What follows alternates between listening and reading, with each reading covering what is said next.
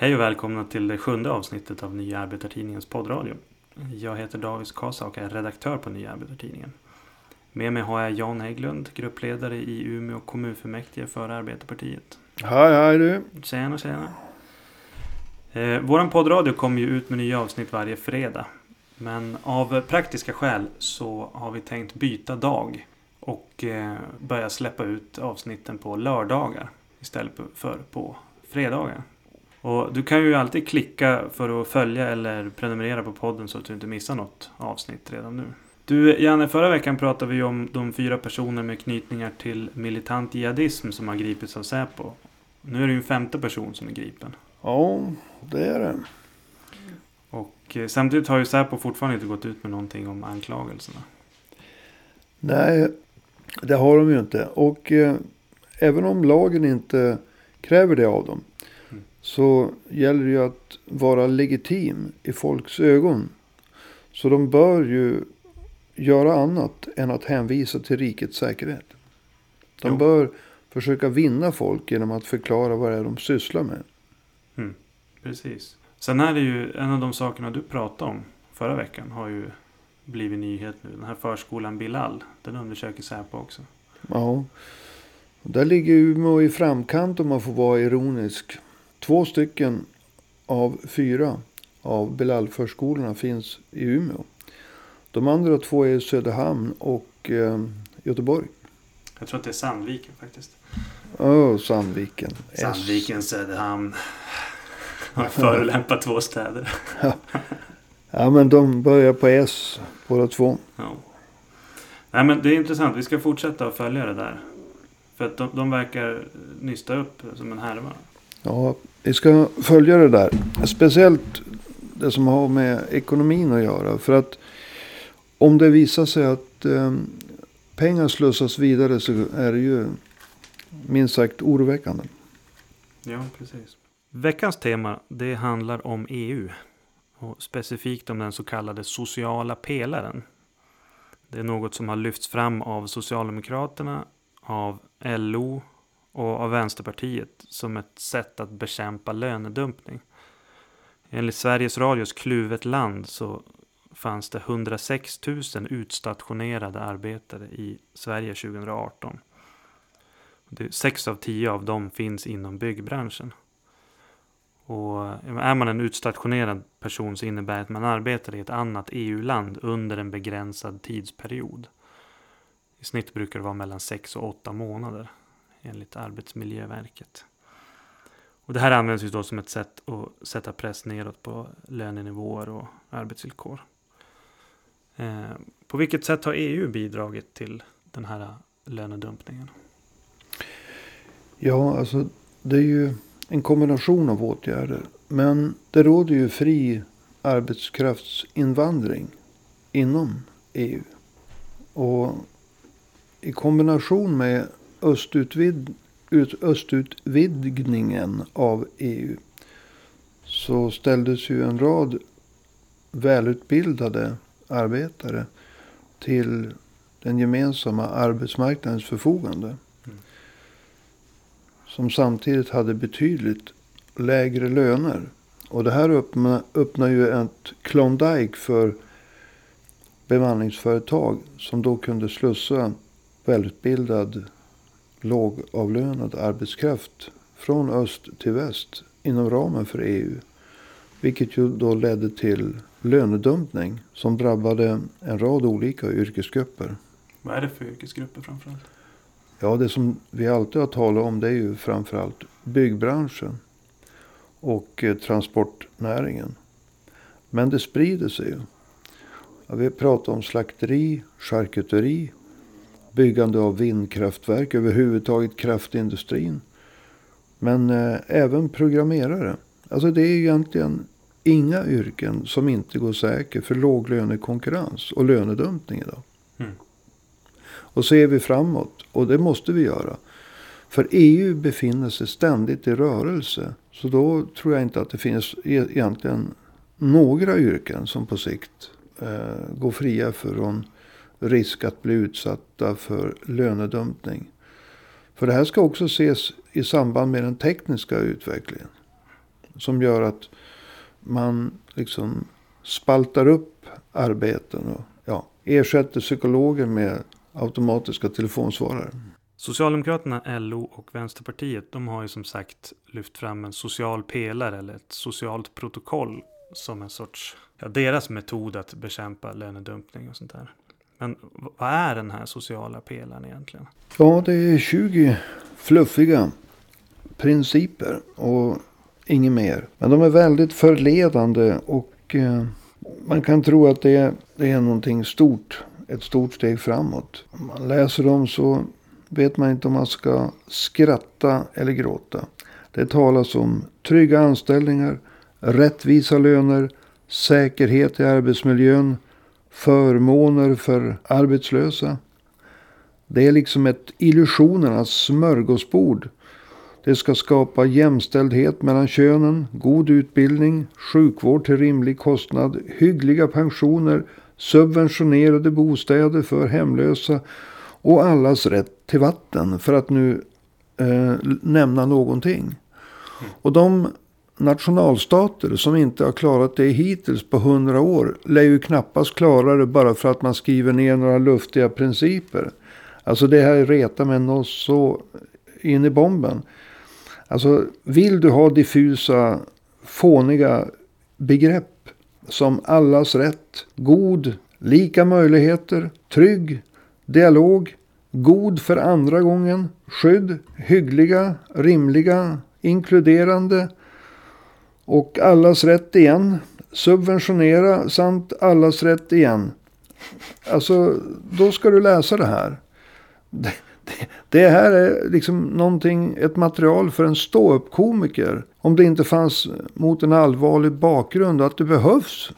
Men det här, det, det här är ju helt enkelt ett sätt att smita undan en reell facklig kamp för att slå vakt om arbetstryggheten och eh, lönerna och de arbetsrättsliga reglerna på arbetsmarknaden som vi har kämpat för i hundra år. De ska vi lägga i händerna på några EU-byråkrater. Det är ju närmast äckligt. Ja, det låter lite grann som ett socialdemokratiskt valmanifest det där. Men vad säger de när det gäller arbetsvillkor, löner och sånt? Ja, när det kommer in på mer konkreta saker så, så pratar man ju om att arbetsgivare ska få den flexibilitet de behöver för att snabbt anpassa sig till ändrade ekonomiska förutsättningar. Och det brukar ju betyda att blir det en ekonomisk kris då ska det bli lättare för företagen att sparka folk. Vi har ett annat hilarious uttryck som heter innovativa anställningsformer. Och det innebär ju att unga människor... Ja, det är ju ett skämt. Men det är, ett, det är tragikomiskt. Va? Innovativa arbetsformer. Det är ju vad ungdomar drabbas av när de ska försöka få in en fot på arbetsmarknaden. Sämre arbetstrygghet, lägre lön.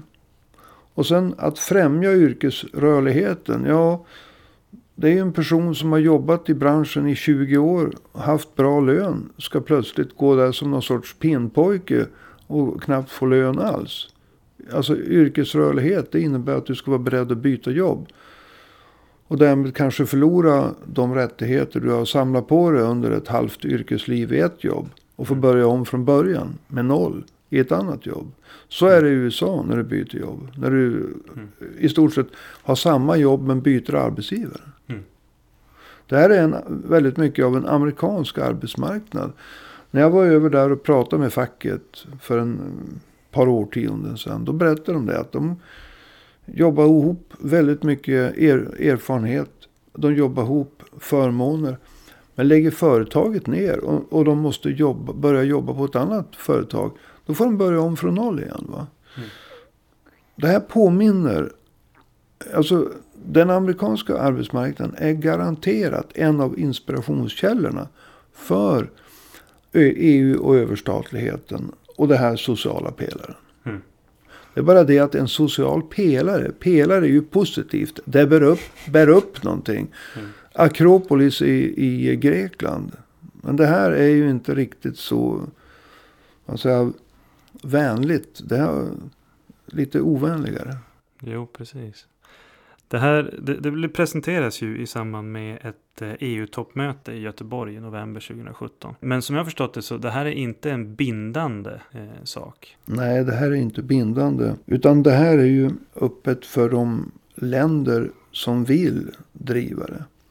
Men det kan bli bindande. Om man tittar på vad som hände i samband med den djupa ekonomiska krisen 2018 så uppstod det någonting som vi kallade för eh, EU plus-pakten. Eh, den syftade till att pressa ner lönekostnader, luckra upp anställningstryggheten, försämra pensionerna och samtidigt sänka skatterna som finansierar välfärdssystemen. Så de här luftiga positiva sidorna, ja de kommer troligtvis att stanna vid luftiga positiva önskemål. Men de lite hårdare sidorna, de som handlar om att luckra upp anställningstrygghet, och löner på arbetsmarknaden. De kan nog bli eh, mycket reella. Till exempel vid en kommande ekonomisk nedgång. Men den sociala pelaren idag med de här principerna. De är bara som ett smörgåsbord. Sen är ju frågan vem har kraft att driva igenom vad inom ramen för de här 20 principerna. Va?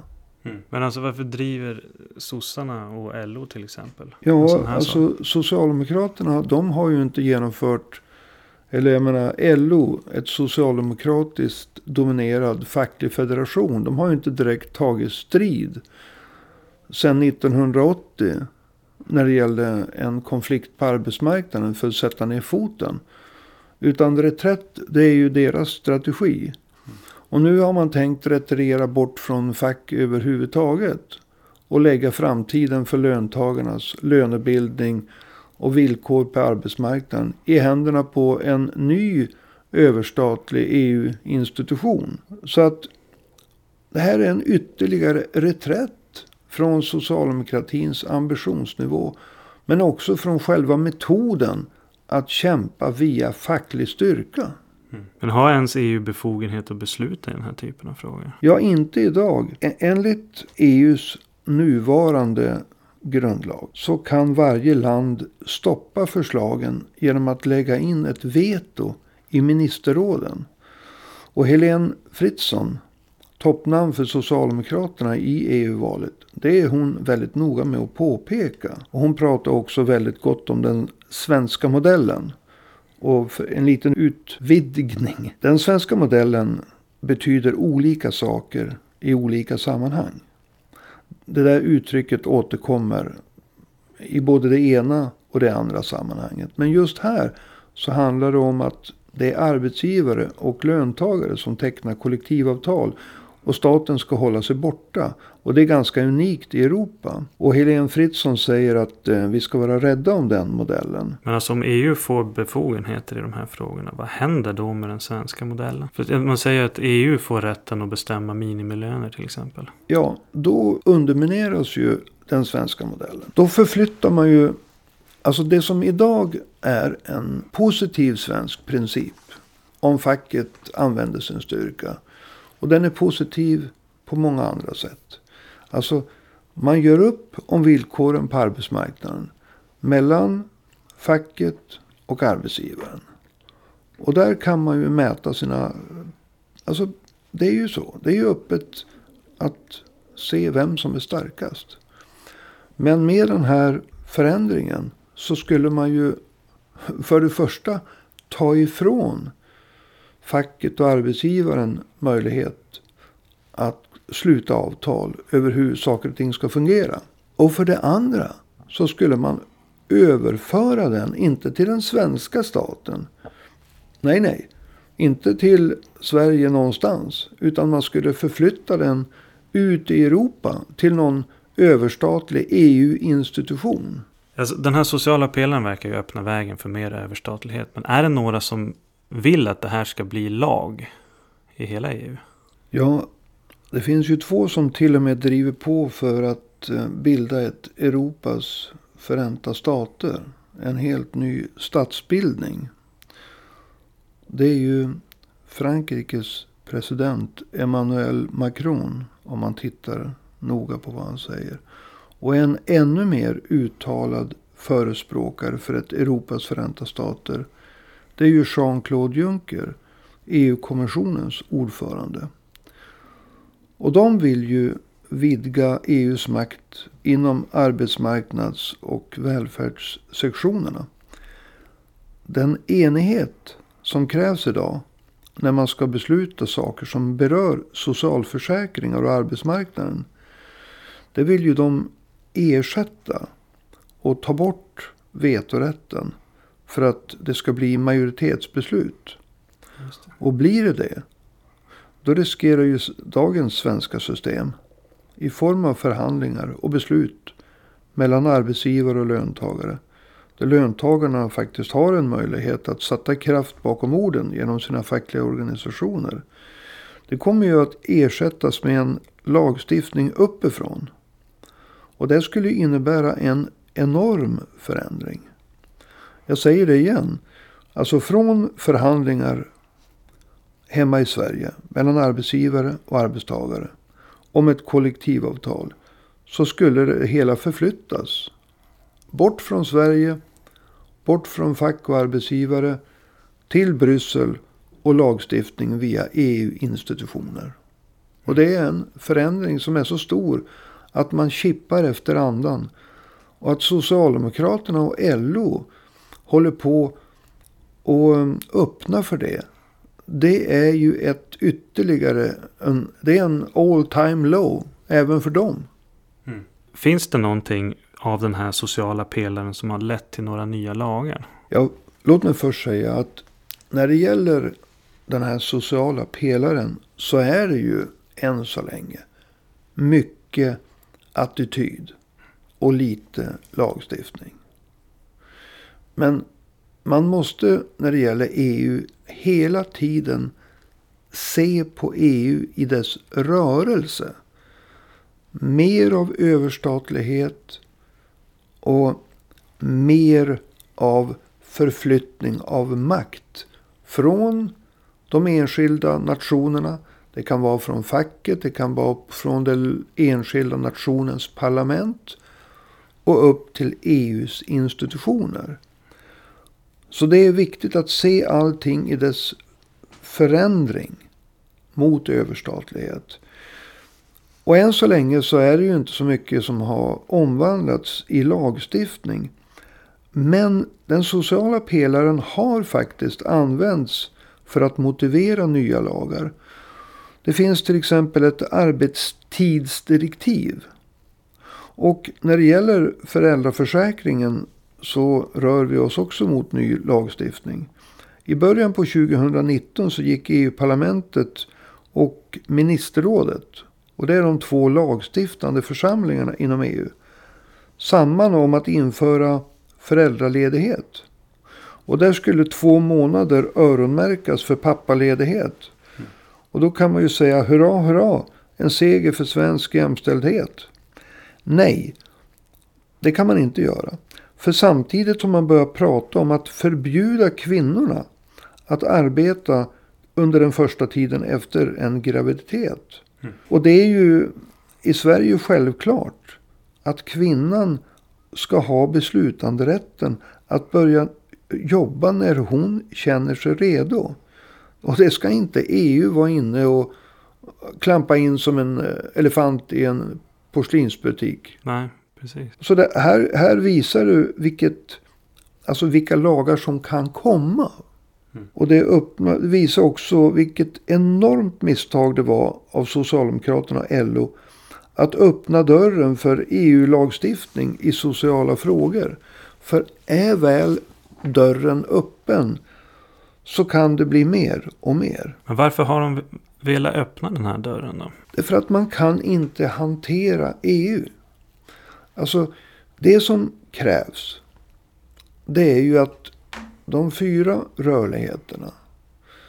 Fri rörlighet för kapital och arbetskraft.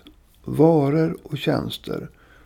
Måste kompletteras med ett gränsöverskridande kollektivavtal. Och en stridbar facklig federation som backar upp detta gränsöverskridande kollektivavtal. Alltså de, EUs överstatliga institutioner som blir allt mer mäktiga och plockar ifrån de lokala medlemsstaterna, alltså Sverige, Danmark, Finland, allt mer makt. De måste ju matchas av en facklig federation och ett internationellt eller gränsöverskridande kollektivavtal.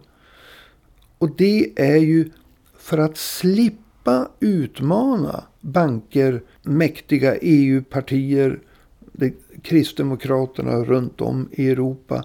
Så försöker Socialdemokraterna inom ramen för EUs överstatlighet lägga betoningen på en social pelare. Den sociala pelaren det är till för att förvirra och göra så att folk tror att vi behöver ingen facklig solidaritet. Alltså, det är ett sätt att slå blå dunster i ögonen på folk. Hela idén att snacka om en eh, social pelare, det är att spela EUs spel. När det som behövs är att eh, matcha de fyra friheterna med en gränsöverskridande tanke i den fackliga verksamheten. Ja, egentligen är det ju rätt ironiskt när man tänker på det. De som har avslöjat många av sådana här eh, skandaler där man har utnyttjat utländsk arbetskraft. Jag tänker på när de byggde den nya E4-bron i Sundsvall. Då var det ju Uppdrag granskning som avslöjade att Eh, man använde byggarbetare från Slovakien som fick någonstans 56 kronor i timmen. Det var inte facket som avslöjade det här. Nej. Det är tragiskt. Och den sociala pelaren den bygger på ett bondfångeri. Alltså, det är bättre med en bra pelare än en dålig pelare. När vi ska tänka varför får vi inget gränsöverskridande kollektivavtal som förhindrar lönedumpning om du lämnar Portugal eller Polen för Sverige? Hur svårt kan det vara med dagens teknik att en kille eller tjej som är fackansluten i Polen eller Portugal får sina personuppgifter skickade till sin svenska motsvarighet. Där de sugs upp av den svenska fackliga rörelsen. Av rätt förbund och därmed automatiskt träder ut på arbetsmarknaden med den svenska facket i ryggen. Mm. Alltså det är ju sånt som ett gränsöverskridande kollektivavtal ska syssla med. Och en europeisk facklig federation. Det är som att facket börjar snacka i form av överstatliga EU-institutioner.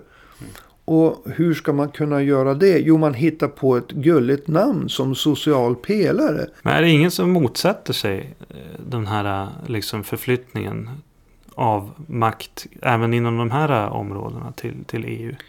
Ja, alltså när det gäller överstatlighet för att kunna försämra villkoren på arbetsmarknaden. Då är det ju ingen som motsätter sig det där verkar ju facket ha kapitulerat. Socialdemokraterna har kapitulerat. Vänsterpartiet har kapitulerat. Så arbetsgivarna applåderar. Men eh, det finns ju andra saker. Som till exempel familjerätt och sånt. Alltså det är pinsamt att behöva avsluta en artikel som jag har gjort med följande rader. Men de borgerliga partierna ha en mindre naiv syn på vad den sociala pelaren kan respektive inte kan. Och bör respektive inte bör ta upp.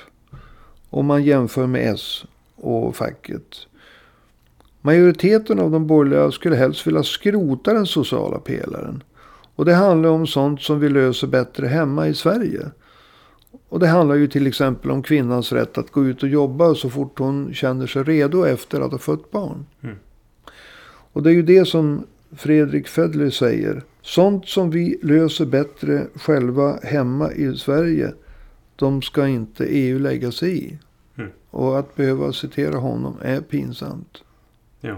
Ja, vi måste liksom börja avsluta. Jag tänker vi kanske inte ska avsluta med Fredrik Federley. Men du, du kanske har något eh, sista ord att säga? Ja, alltså.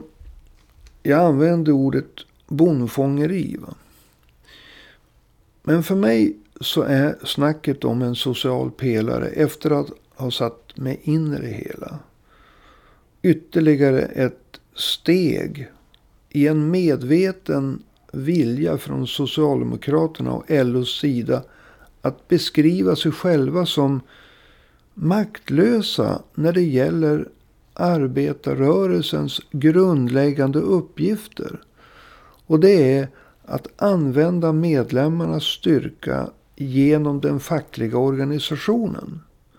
Men istället för att tänka fackförening, stridsåtgärder, så vill man istället i någon sorts eh, drömtillstånd skapa ytterligare en EU-institution som till skillnad från exempelvis eh, grunden till en EU-armé i form av Eurocorps ska vara en mjuk och god EU-institution.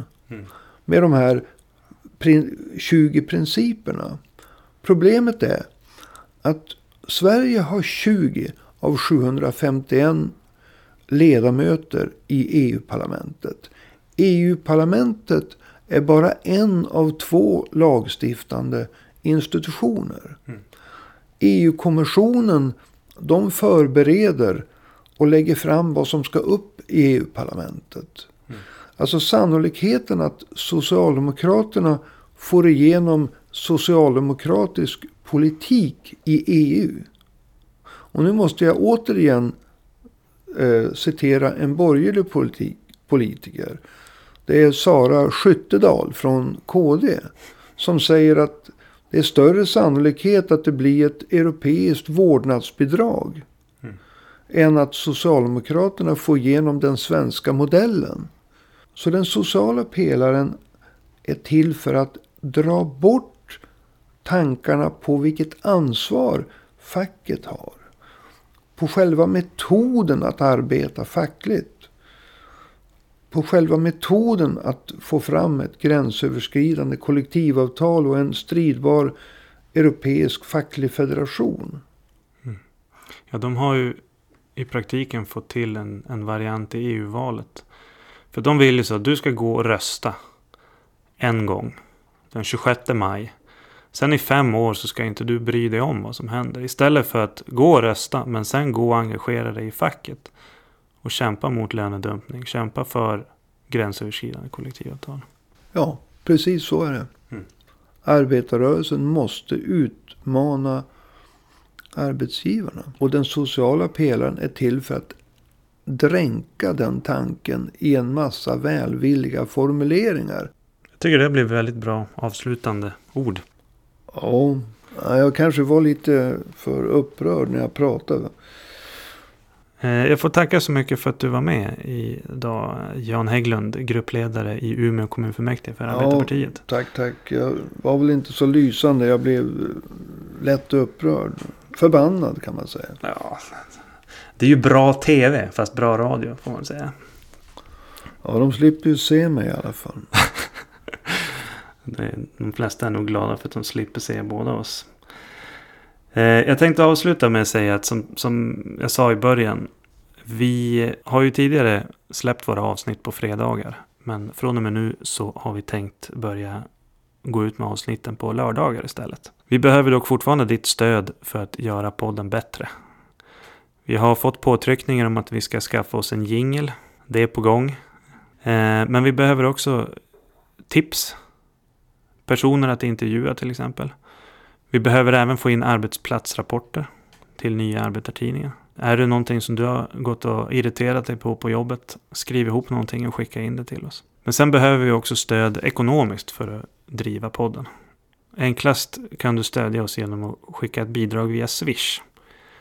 Du skickar till 123 504 7105. Alltså 123 504 7105. Och eh, om du inte kommer ihåg siffrorna där så kan du gå in på arbetartidningen.se. Där finns swishnumret uppskrivet. Och där kan du också ta dig en prenumeration eh, på nya arbetartidningen i papper. Det kostar bara 30 kronor i månaden. Och det borde du göra. Så du inte bara lyssnar på oss utan även kan läsa vad vi har att säga i papper. Det var allt för idag. Jag heter David Skasa, jag är redaktör på Nya Arbetartidningen och vi hörs igen nästa vecka, nästa lördag den här gången. Hej hej!